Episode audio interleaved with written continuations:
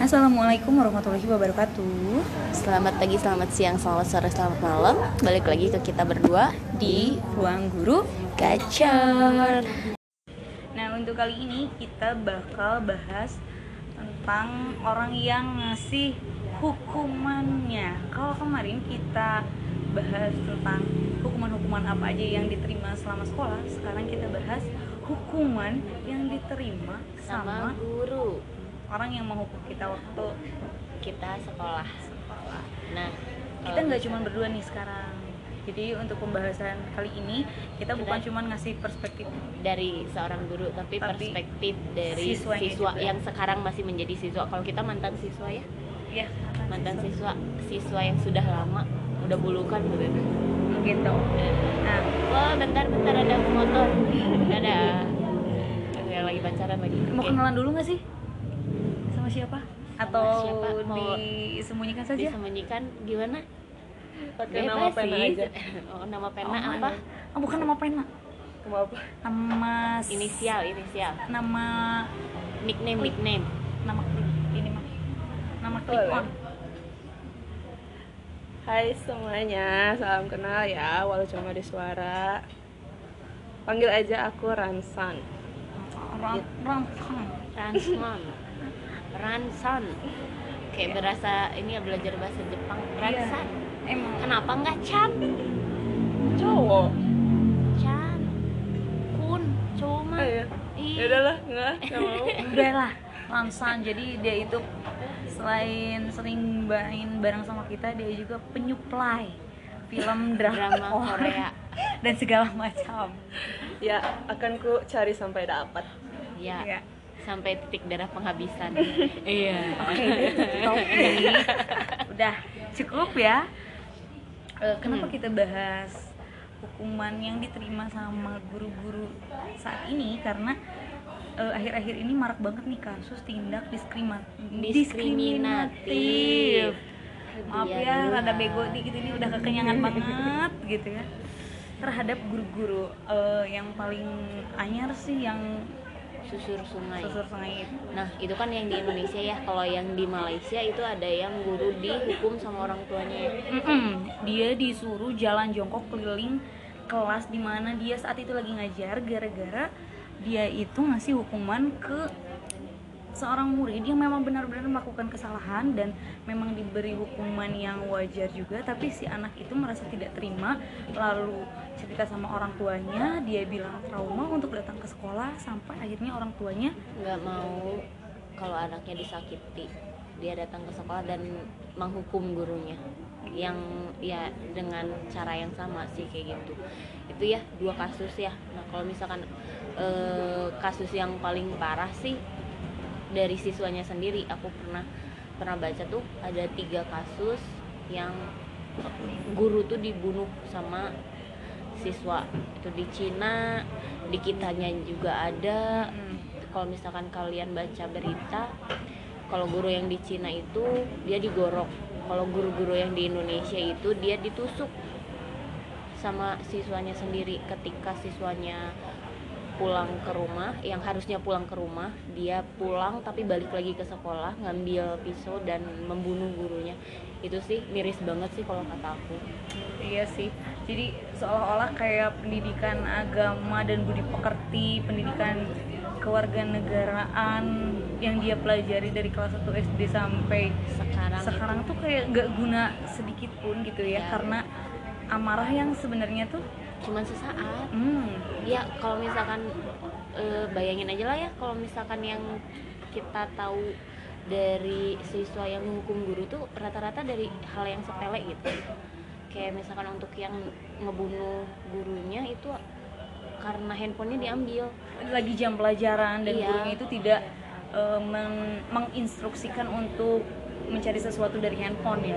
betul gitu. Ya sebagai guru juga dah aku tuh sering apa ya sering ngerampas handphone siswa tapi dikembaliin lagi di saat yang tepat. Dan itu sesuai dengan perjanjian di antara kita berdua. Hmm. ini main bunuh-bunuh aja lu kira nyawa orang teh. Bisa beli di warung gitu Nah, dan gak, gak mikir gak mikir panjangnya lagi tuh apa. Dia itu ngebunuh orang tua kedua dia. Dia tuh ngebunuh orang yang eh, udah ngasih banyak pengetahuan udah ngasih banyak pengalaman udah ngasih banyak pembelajaran hidup ini seperti apa seolah-olah kayak itu semua tuh gak ada. apa-apanya gitu. Sampai setega itu ya membunuh orang tua kedua alias guru. Tuh nah kalau misalnya yang itu ter- terlalu sadis banget sih ya kalau buat buat kita expose kalau yang Iya. ngebunuh itu ini kita tuh mau bahas lebih detailnya tuh yang Susur guru sungai. sampai di penjara sampai eh, dibotakin itu di mana sih rasa hormat kalian gitu sama sama guru sama guru sebenarnya sih kalau misalkan kita lihat dari situ ya kalau dari yang apa ya yang berita beredar sih Mendikbudnya sendiri dia agak kecewa karena ya sebagai guru itu harus harus dihormatin lah mau sejelek apa pun kelakuannya sebagai guru itu harus dihormatin ya kecuali kalau misalkan dianya melakukan tindakan asusila gitu ya itu mah moral sebagai gurunya hilang gitu Tah, kalau ini kan enggak jadi ya dan dan si gurunya pun udah minta maaf Iya, ya, minta gitu. maaf secara tulus. Dia bayangin aja lah 200 orang diasuh sama empat orang atau dibina sama empat orang. Itu tuh udah tentuin tiga lebih tepatnya tiga. Oh tiga. Tiga yang di penjara, empat orang yang jadi pembina di oh, lapangan. yang, yang satunya lagi tuh pergi ke bank ya Iya, karena, karena ada itu. ya satu orang harus membina 50 siswa dengan mungkin honornya itu tidak lebih dari 500 ribu. Mending 500 ribu aku aja yang ngebina eh, Kalau lomba? lomba cuman 10 orang dibayar cuman paling paling mahal 150 100 ribu untuk untuk di tempat 50 ribu untuk transportasi. Itu buat diri aku sendiri. Nah siswa-siswanya kan dapat dapat juga. Tapi ketika kita ada di tempat yang bukan sekolah teh udah tetap was was ke toilet aja. Kadang suka nanya si ini di mana? Si itu di mana? Ke mana?" jawab gitu. kita lah ya. Soalnya eh, for your information yang namanya ketika guru membimbing atau membina siswanya keluar kegiatan apa pun itu itu pasti diketahui sama kepala sekolah disetujui dan itu tuh dapat SK-nya Hmm, ada surat, surat tugasnya. tugasnya. Gitu jadi surat keputusannya. di berita kepala sekolahnya waktu diwawancara bilang tidak tahu menau akan kegiatan tersebut itu sebuah kebohongan besar. Iya karena untuk kegiatan di luar sekolah itu butuh apa ya butuh izin dari Legalitas lah iya, ya. legalitas dari luar sekolah terus kalau untuk acara-acara di luar itu sebenarnya guru-guru itu diwajibkan untuk memberikan surat yang nantinya menandakan bahwa orang tua itu setuju akan segala konsekuensi ketika siswa ada di luar sekolah dan kalaupun terjadi sebuah kecelakaan ataupun hal-hal yang tidak lainnya yang tidak diinginkan. diinginkan itu bukan sebuah kesengajaan yang diinginkan oleh pembina tersebut. Yang namanya takdir itu bisa dipungkir. Lamun geus waktu nak maut mah nya maut ya itu kumaha we carana gitu gitu. ya mungkin si guru ini teh sebagai salah satu apa ya bentuk media media. enggak media media media dia untuk apa ya menerima takdir mungkin kayak gitu. Ya kalau misalkan dibilang pelampiasan eh pelampiasan kemarahan masyarakat kali ya. Hmm. Makanya dia kayak gitu juga.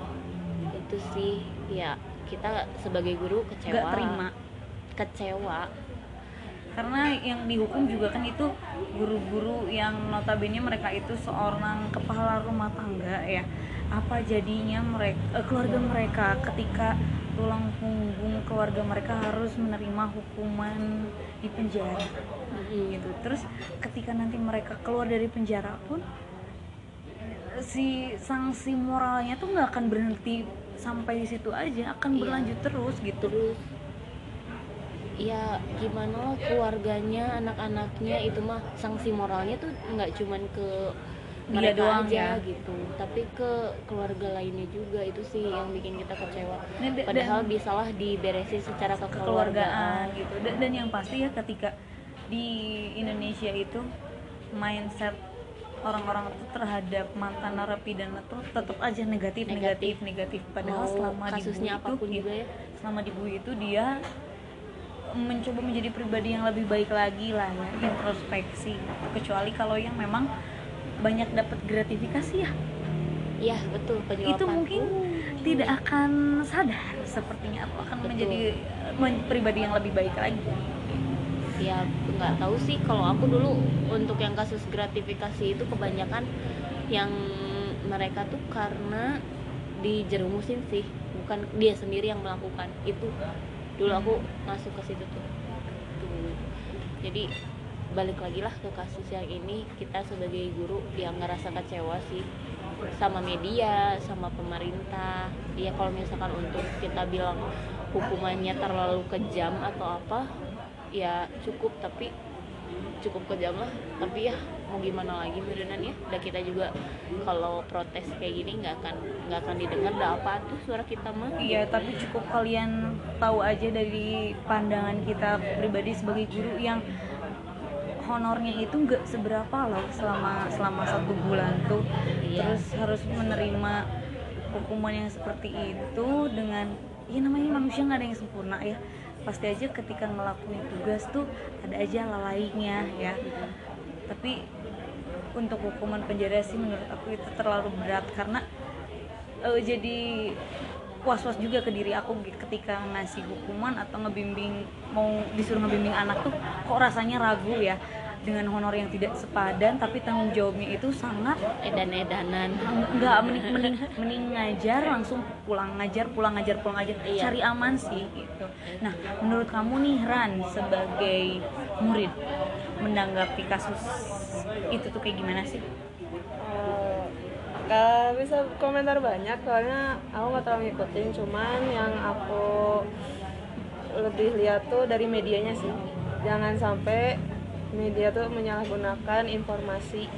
Terus eh, war- apa warganet malah salah juga menanggapi yang akhirnya mem, apa ya, membludaknya tuh salah gitu. Jadi kayak banyak simpang eh, siur gitu. menyudutkan guru. Kan yang aku tahu warga Indonesia teh masih pikirannya gampang terhasut yang banyak Iya, negatif. hoax, hoax. Jadi kalau bisa mah bijaklah dalam berpikir cari-cari da- jangan hanya mencari dalam satu sumber. Iya betul. Iya betul. Gitu makanya. kalau untuk satu kasus itu kita harus banyak cari apa ya cari berita. Iya, dari jangan berbagai cuman sisi, dari ya. satu berita. Itu sih. Ayo loh kenapa? Tapi Ning? menurut menurut aku ya eh, di balik semua tindak diskriminatif terhadap guru semakin guru didiskriminasi semakin kurang ajar murid-murid sekarang tuh. Terus eh, dari pihak orang tuanya juga kok nggak ada bentuk dukungan terhadap guru bagaimana cara mendidik anak-anak mereka menjadi pribadi yang lebih baik lagi? Karena sejujurnya yang namanya pendidikan itu atau belajar itu memanusiakan manusia. Maksudnya bukan ya lu sekarang yang masih jadi siswa belum jadi manusia seutuhnya tapi masih belum bisa apa-apa lah kalau misalnya belum banyak dipoles dan dikasih variasi-variasi lain sama guru ya. Iya. Gitu. Ketika dalam proses pembelajaran itu ada sebuah tindakan kriminal? enggak kriminal Oh, fisik lah Oh, sedikit lah ya. Berupa hukuman ya itu bentuk mendidik juga gitu. Karena kita sebagai guru juga mikir ya kalau ngasih hukuman ya pasti yang pasti bikin jerak harus jerat terus bikin si siswanya juga mikir terus nggak mungkin lah berniat jahat sampai ingin mencelakai atau bahkan sampai membunuh siswanya sejengkel-jengkelnya sebenci-bencinya kita sama siswa juga. Iya. Kalau misalkan kita jadi guru mah ya nggak usah kita jadi guru lah zamannya kita waktu sekolah lah kalau misalkan kita dikasih hukuman disuruh push up suruh sit up suruh apa gitu tuh ya kita terima kan deh memang iya salah gitu Iya, kalau emang kitanya salah mah ya terimain aja. Kenapa harus malah jadi ngerengek ke orang tua dan menganggap bahwa guru itu salah gitu. Karena Dan- sebenarnya ketika kita menghukum itu karena ada kesalahan siswa, bukan karena kita Mengada-ngada ya? mengada-ngada. Iya itu. Itu sih yang bikin nggak enak, nggak enak untuk zaman sekarang jadi belajar itu ngajar terutama. Nggak ya, ya bikin ragu lah. Kita kalau misalkan ngasih hukuman tuh kita kasih hukuman baca Al-Quran kadang anak-anak suka nggak terima oh tuh bu oh tuh bu. Kita kasih hukuman fisik anak-anak gak terima juga. Terus lu maunya apa? Oh mau hidup enak? Mau hidup enak ya nggak usah sekolah. Pengen nggak ngerjain tugas ya nggak usah sekolah. Tadi aja aku ulangan ya anak-anak nanya bu ini yakin bikin deskripsi 250 kata sama aku digini ya udah nggak usah dikerjain kalau emang kamu nggak mau ngerjain mah. Simpel kan tapi ya kalau lu pengen nilai ya kerjain gitu tuh. Itu aja. Ada apa ya ada ya kalau kalau di pembelian mah ada barang ada uang.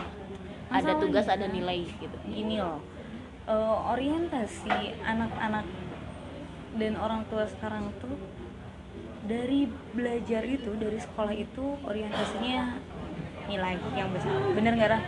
Iya. mayoritas teman-teman kamu kayak gitu kan Iya.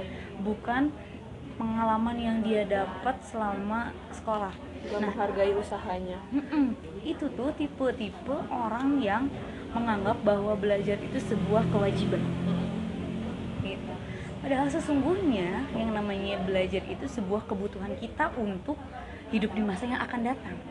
Karena kalau misalnya kita nggak belajar kita nggak akan bisa apa nanti ke depannya. Sekaya apa pun lo kalau lo nggak nggak pinter nge-manage nggak pinter cari peluang ya habis juga hartanya gitu. Karena sebenarnya kalau misalkan yang untuk anak IPS belajar memanage uang itu kan butuh ya. Kalau untuk anak IPA mungkin belajar menghitung ketika peluang peluang peluang enggak ngitung juga. Kalau misalkan ketika kamu punya uang sekian juta terus kamu kebutuhannya sekian juta juga pasti kehitung lah sisanya berapa dan untuk bulan depan dapatnya berapa. Itu tuh bakalan kehitung banget kalau misalkan kamu belajarnya serius. Tapi kalau belajarnya nggak serius ya siap-siap ditipu orang. Gitu. Kalau misalkan kita belajar dari masa lalu mah ya belajarlah dari masa kolonialisme di mana kita teh bener-bener dimanfaatin sama orang-orang apa? Yang menjajah. iya penjajah orang-orang Belanda. Padahal kita tuh Terutama- negara yang kaya ya. Iya padahal kita sendiri kaya gitu. Terus sama orang Jepang di mana kita ditipu bilangnya mau merdeka padahal kita makin disiksa gitu tah. Itu sih ya harus belajar dari situlah. Ya itu gunanya belajar. Gitu ya percuma lu belajar kalau misalkan ilmunya nggak dipakai. Nah yang kedua selain orientasi mereka itu ke nilai gimana caranya buat dapat peringkat yang bagus? Jadi lu ngebaik-baikin guru tuh sopan ke mereka tuh karena mereka masih jadi guru. Hmm, kalau udah Lu. keluar dari sekolah mah boro-boro. Atau lu udah jadi alumni aja kagak butuh nilai lagi dari dia Piceun. seolah-olah kayak nggak kenal. Pengalaman teh. pengalaman. Iya, karena kita udah banyak banget. banyak yang digituin. Banyak yang kayak gitu. Digituin gitu. Coba kamu dapat ranking satu. Nyuap nggak ke kita? Kita ke dia. Ke aku mah nggak karena aku nggak ngajar kamu. Enggak coba gimana kamu menyuap Enggak, dengan kebaikan-kebaikan kamu apa gimana Aku mah juga apa adanya da. Aku sendiri juga ada nggak sopannya sama guru beneran? Kayak suka nyumput-nyumput dengerin headset atau ngomongin di belakang ya. Itu ada mah itu mah ya. Perempuan wajar. Kalau ngelewat kadang nyapa kadang enggak mah ada kadang mah sama aja. Nah, cuman itu, itu alasan- alasannya kenapa sih kadang nyapa kadang enggak tuh kalau kadang nggak buru-buru karena emang mau mau ada kebutuhan kalau misalkan enggak mah ya ada sih personal. Tapi sadar deh dan juga tersadarkan sendiri kayak nanti apa ya kepikiran kayak oh iya aku juga perlu nilai sebenarnya mah ke guru itu teh. Jadi balik lagi baikan lagi nyapa lagi udah cair. Jadi kalau mau benci mah jangan benci karena Dan butuh ogenya. Hmm, karena pasti kamu balik lagi. Kalau jangan segak sukanya sama seorang guru udah pasti kamu tuh ngerasa oh iya aku tuh pernah dibantu ini. Oh iya aku teh apa ya pokoknya banyak dibantu lah. Sama guru kerasa kok aku ngalamin. Sejahat-jahatnya guru tetap membantu juga ya. Iya gitu. Se apa ya semarah-marahnya guru ke kalian juga itu tuh proses pembentukan karakter kalian gitu. Bahwa dunia ini teh tidak seperti yang selalu kalian bayangkan gitu. Akan terjadilah eh, kemungkinan-kemungkinan yang mungkin nggak berpihak ke kamu gitu. Itu tuh harus terima. Dan orang tua sekarang ya nanggapnya tuh kalau guru tuh kayak babysitter jadi sekolah tuh kayak daycare gitu ya. Jadi cuman buat nitipin aja please jangan dikasih hukuman jangan diapa-apain pokoknya kasih nilai yang bagus aja. Terserah anak anaknya bisa nggak bisa karakternya nggak bagus juga ya. Dan susah atuh kalau misalkan kita harus sebenarnya ya, merubah karakter ya. merubah karakter mah nggak bisa. Itu mah dari orang tuanya. Karena yang primer itu ya orang tuanya. Kita mah sebagai sekunder yang cuman men- bukan mendidik ya, ya mendidik Mengarahkan ya. mengarahkan. Kita malah lebih mengarah eh, kita lebih mengarahkan. Yang udah bikin jalan mah ada. Orang ya tua. orang tua. Ya istilahnya mah kalau mobil mah mobil itu anaknya yang bikin jalan itu orang tuanya kita mah sebagai navigasinya navigatornya gitu. Ini kamu teh harusnya jalannya ke sini nih. Ini orang tua kamu teh udah kayak gini nih. Enaknya kayak gini enaknya pakai ini gitu tuh. Kalau misalkan mobil mah ya gigi satu gigi dua gigi tiga teh gimana cara mainin gigi teh? Ya kita yang ngasih tahu gitu. Masalah maju ke depannya mah kamu sendiri yang sebagai supirnya ya kamu sendiri yang maju. Mau mulus mau apa mau ada apa ada rintangan terus kamu main hajar aja dah ujung-ujungnya kamu sendiri yang rusak gitu. Di tolonglah ya dipikirkan ula- ulang bagi pendengar kita yang masih sekolah. Ketika kalian masih berorientasi nilai dan masuk perguruan tinggi negeri aja eh, mendingan cepet-cepet sadar diri aja ya karena sesungguhnya sekolah itu bukan tujuannya bukan itu aja. Bukan masuk ke universitas negeri tapi tujuannya itu untuk membangun karakter yang bagus. Karena kalau misalkan karakter kita bagus mau sekolah di negeri mau sekolah di swasta mau di sekolah di Bandung mau sekolah di mana pun juga atau di luar negeri pun kalau karakter kamu bagus ya insya Allah rezeki kamu bakalan bagus juga lah. Karena karena nanti di lingkungan pekerjaan pun bukan ditanya lu IP berapa? Lu asal kuliahnya di mana sih? Tapi dari Kemampuan. kepribadian dan kemampuan sebenarnya. Ketika orang itu jujur jujur makanya aku sering banget kalau ngajar tuh ya mau sebodoh nggak bodoh ya mau sekurang apa pun kamu ketika kamu menjadi orang yang jujur gak Kamu- mungkin kamu jadi pengangguran ke depannya Iya pasti bakal dapat kerjaan. Pokoknya dari karakter kita tuh benar-benar dinilai. Kalau misalkan kitanya benar-benar punya karakter bagus mah akan selalu dipertahankan. Tapi kalau karakternya jelek mah ya udah welah salam gitu. dan ini aku mau curhat sedikit ya Eh, hampir satu bulanan ini tuh aku ngalamin dimusuhin sama siswa terus ada siswa yang nggak tahu diri lah gitu udah seringnya aku bantuin dan bahkan dia sempat dapat prestasi Tapi menghilang. tapi tiba-tiba menganggap aku seperti syaitan Heeh, dan syaitan. kuanggaplah dia anak syaitan juga syaitan. gitu ya terus kalau Temennya ngobrol- kesindir. Terus kalau lagi ngobrol biasa, kok anak-anak berani ya sekarang nadanya tuh lebih tinggi daripada aku. Sebenarnya bukan bukan kita nggak bisa ngelawan sih ya, cuman kalau Ah. kita sarwana istilahnya ya, kesannya kayak kita tuh nggak dewasa banget, cuman ya Sadar dirilah kalau misalkan kamu teh bisa kayak gitu teh karena Sama siapa, siapa. gitu. Sebenarnya ujung-ujungnya kita jad- jadi kayak pamrih ya. Bener gak sih? tapi sumpah guru itu kan pahlawan tam- tanpa tanda jasa. faktanya please deh gitu ya. Udah sama gaji kita teh nggak gede hargai kita gitu. Ketika nanti kita kamu jadi dokter terus kita sakit kasih diskon kek gitu. Bukan bukan pamrih bukan pamrih tapi ketika ketika nah, kamu tuh mikir gitu kamu akan bisa jadi dokter kalau misalnya dulu tuh Nggak belajar sama guru. nyeta weh. Ya mikir we sama. Hmm, terus kadang suka kayak gini pernah ada siswa ditegur gara-gara bikin kesalahan. Terus dia lapor sama orang tuanya karena mungkin dia terlalu banyak nonton drama Korea. Jadi laporan ke orang tuanya pun penuh dengan drama. Orang tuanya pun datang ke sekolah dengan berdrama-drama.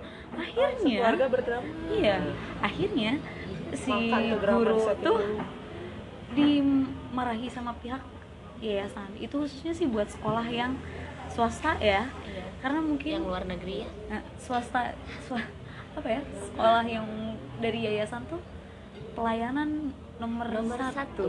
dan customer itu itu nomor yang harus diutamakan mau dia Customer benar adalah raja Mau dia benar? siswa itu adalah raja mau dia benar mau dia salah bodoh amat yang dibela. penting harus dibela yang penting dia tidak boleh keluar nah ingat cuan cuan cuan itu mungkin pikiran yayasan yang eh, udah arahnya ke arah bisnis ya gitu. Jadi tapi secara nggak langsung sebenarnya siswa itu jadi alat bisnisnya yayasan. Tapi kan dengan pelayanan dan fasilitas yang diberikan juga itu kayaknya udah setimpal deh gitu. Cuman ketika ya yang namanya kebenaran itu nggak bisa lo dibeli sama duit gitu nggak ada. Aku belum lo nemu yayasan yang menyelesaikan masalah antara murid dan guru itu melihat dari kedua Sisi. sisinya gitu. Susah nyari yang kayak gitu. Padahal Indonesia demokrasi iya betul. Gitu. demokrasi. Apa demokrasi teneng dari rakyat oleh rakyat untuk rakyat. Nah jadi rakyatnya siapa? Nu beunghar kalau dari pihak sekolah rakyatnya siapa? Yes yayasan? Yayasan pemerintahannya. Oh, salah. jadi rakyatnya itu Oh, siapa? siswa. siswa. Jadi dari siswa untuk siswa oleh siswa. Kita mah pihak terjajah. Oh, bukan kita lagi. yang menjajah. Ya. Iya. Jadi benar. Sebenarnya mah Indonesia tuh belum merdeka. Buktinya saya masih dijajah oleh Anda, ya. enggak Iya, an- Anda-anda yang masih merasa benar. Sekolah. Anda penjajah saya. jadi gimana penjajah? Kan aku mah. Enggak enggak enggak jadi. Enggak jadi. Wah penjajah nggak bisa berkutik. Terus ada lagi nih kayak kalau teteh mungkin nyebutnya orang yang eh, anak yang suka selanang selonong maksud tuh selonong, Selonong boy. Kalau aku selalu bilang, eh sia anak hayang ngaliwat teh bebe ija keluar ka jero teu ngomong. jika leho gitu Iya, sumpah. ih jijik atuh Itu sering banget aku omongin kayak gitu. Ya, kamu kalau merasa jijik sama diri kamu sendiri jangan sampai kayak orang yang selonong boy ya kayak ingat ingat lah ya tahu ah siap Karena kita tuh hidup di Indonesia yang menjunjung tinggi budaya timur ya, Iya. di mana etika dan adat kesopanan itu masih dijunjung tinggi. nomor hiji Ya, meskipun sekolah kamu bertitel ya friendly school antara kamu sama guru bisa seakrab mungkin, tapi tolong kayak kita ya ada batasnya Ada kayak kita batas. ya ngobrol ngobrol ya ngobrol main-main ya main tapi Iya. tetap aja kalau giliran di sekolah mah ya dan Profesional. siswa. iya iya gitu. profesionalisme itu dibutuhin Nah, makanya kadang aku mikir ya, ketika ada murid-murid yang seperti itu tuh suka suka pengen nyeletuk banget kayak ada guru senior di salah satu sekolah yang tahun ini beliau mau pensiun ya. Hmm. Dia tuh selalu bilang murid-muridnya tuh anak setan, anak setan. Atau anak iblis. Sama iblis. oh aku pernah denger. Ah dia. Kayaknya nggak asing deh telinga aku. dia. Sering banget kayaknya ya di kelas kamu ngomong. Alas ya. Dia tersangkanya ada di sini. Gitu. Terus eh, kan- kenapa sih beliau bilang anak-anak sekarang tuh banyak banyaknya anak-anak setan atau iblis? Soalnya katanya persis banget kelakuannya. Dari segi nama mereka udah agamis ya tapi dari segi kelakuan persis banget kayak iblis. Karena udah sulit banget yang namanya dirubah sih pola pikirnya, kelakuannya, kebiasaannya. Sampai di, di- dinasehatin mau gimana pun juga gak mempan tapi kalau dikasarin itu ngadu. Ke kepala sekolah, ke Pengecut yayasan, ke KPAI itu itu pengecut banget sih ketika dia salah kemudian dia mengadu ke orang-orang yang sebenarnya nggak ada hubungannya sama pihak sekolah anjir itu pengecut banget Tapi Karena dia tidak berani menghadapi masalahnya sendiri generasi sekarang tuh pasti bakal banyak yang seperti itu. Mereka tidak berani untuk menghadapi masalahnya sendiri. Gitu. iya sih sekarang sudah mulai muncul generasi-generasi pengecut yang di mana dia beraninya ngumpet di ketek emaknya. Hmm. terus ngumpet di ketek aturan-aturan yang mengekang kita sebagai guru.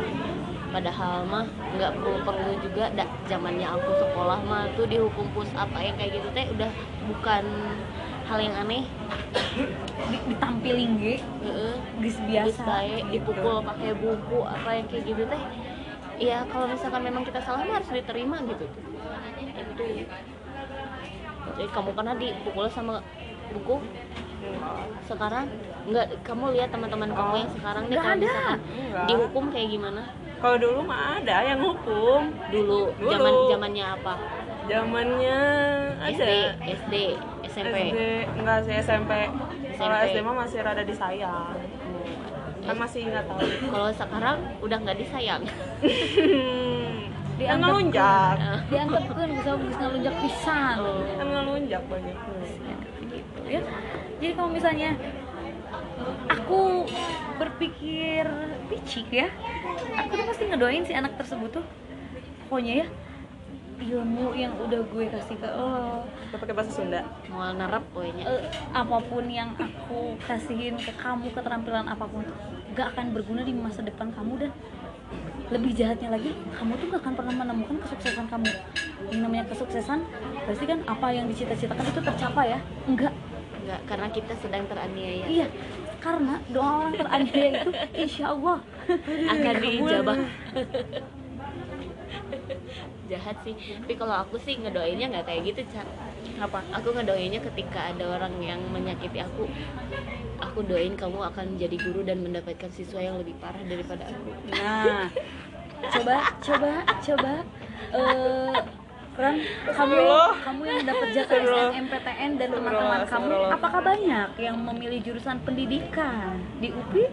Setahu aku tidak kalau mendengar karena kan kebanyakan menghindar untuk menjadi guru karena takut kualat. Aku sendiri pun sebenarnya menghindar karena ada yang bilang juga guru tuh proyeksi seorang murid kan nggak mau lah cuman Guru itu proyeksi seorang murid. eh kebalik ya eh, apa sih enggak benar kok Murid murid itu aku pernah dengar murid itu gambaran gurunya waktu muda waktu jadi siswa kayaknya gitu. pokoknya gitu pokoknya banyak yang menghindar karena takut kualat nggak mau merasakan apa yang dirasakan Berarti sebenarnya kalian itu tahu ya bahwa kalian tuh bejat.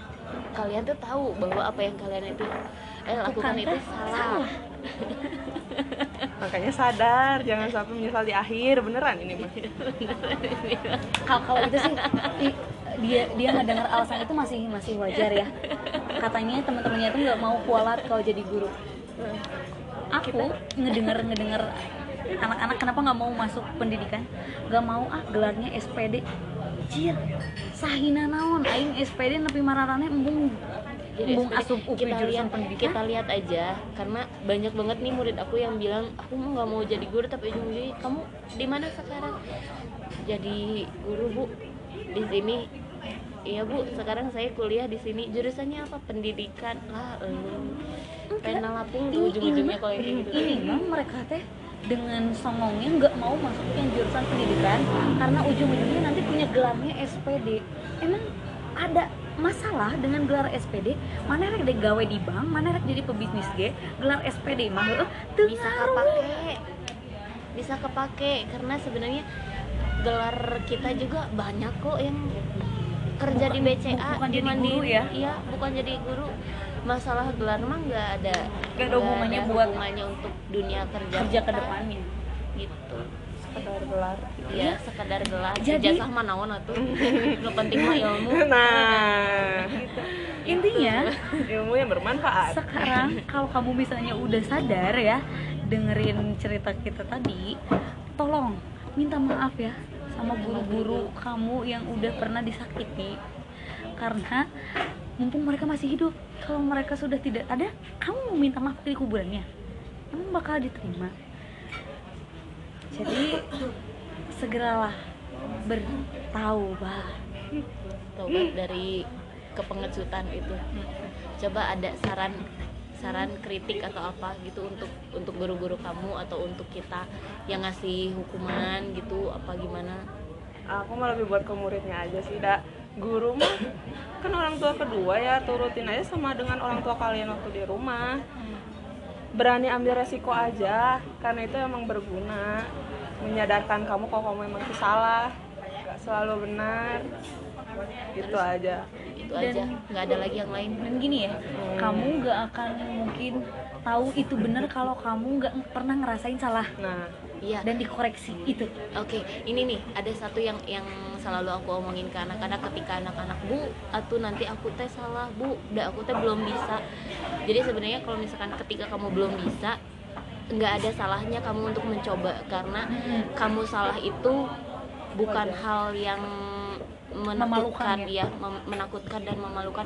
Salah wajar karena masih belajar. Tapi kalau langsung bener itu luar biasa gitu.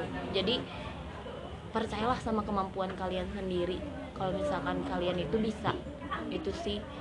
Jadi kalau misalkan kita ngasih ngasih apa ya ngasih hukuman ya karena kamu salah. Atau kita ngasih apa ya arahan itu ya karena kamu salah. Jadi jangan takutlah untuk mencoba meskipun ujung-ujungnya dihukum. Karena itu buat kalian juga. Gitu. menjadi lebih baik lagi ya ke depannya.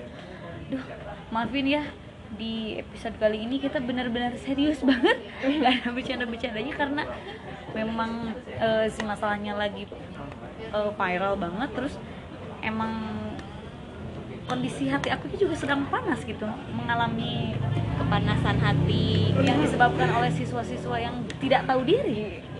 Ya. Jadi mohon maaf kalau misalnya ada pihak-pihak tertentu yang tersungging tidak atau merasa oh tersindir? Tersindir. Eh, tapi ada satu yang belum kita bahas loh apa? yang hampir ditusuk itu gimana ceritanya? Oh, dibaca, oh dibacok. Dibaca. eh dibacok. Ya itu mah biarlah. Si anaknya tidak mau jujur sama aku cerita eh, sebenarnya seperti apa dan ya aku udah males juga ngorek-ngorek informasi di sekolah. Panjang amat. Kesel ya. Nam- namanya panjang itu. Namanya panjang makanya dipanjangin. Kalau namanya pendek mah cuma tut doang. Ya. Eh, kita di sini cuman berbagi pendapat aja. Jadi jangan terlalu banyak dimasukin ke dalam hati. Ambil yang bisa kalian tiru buanglah yang gak penting-pentingnya nah sekian dulu dari kita untuk episode kali ini. Sampai ketemu lagi di episode yang akan datang di ruang guru Yacho assalamualaikum warahmatullahi wabarakatuh. Intinya kalian sebagai murid sadar dari sekarang jangan sampai nyesel dari akhir. Udah itu aja. Kerasa. Jangan sampai karma berlanjut guys. Dadah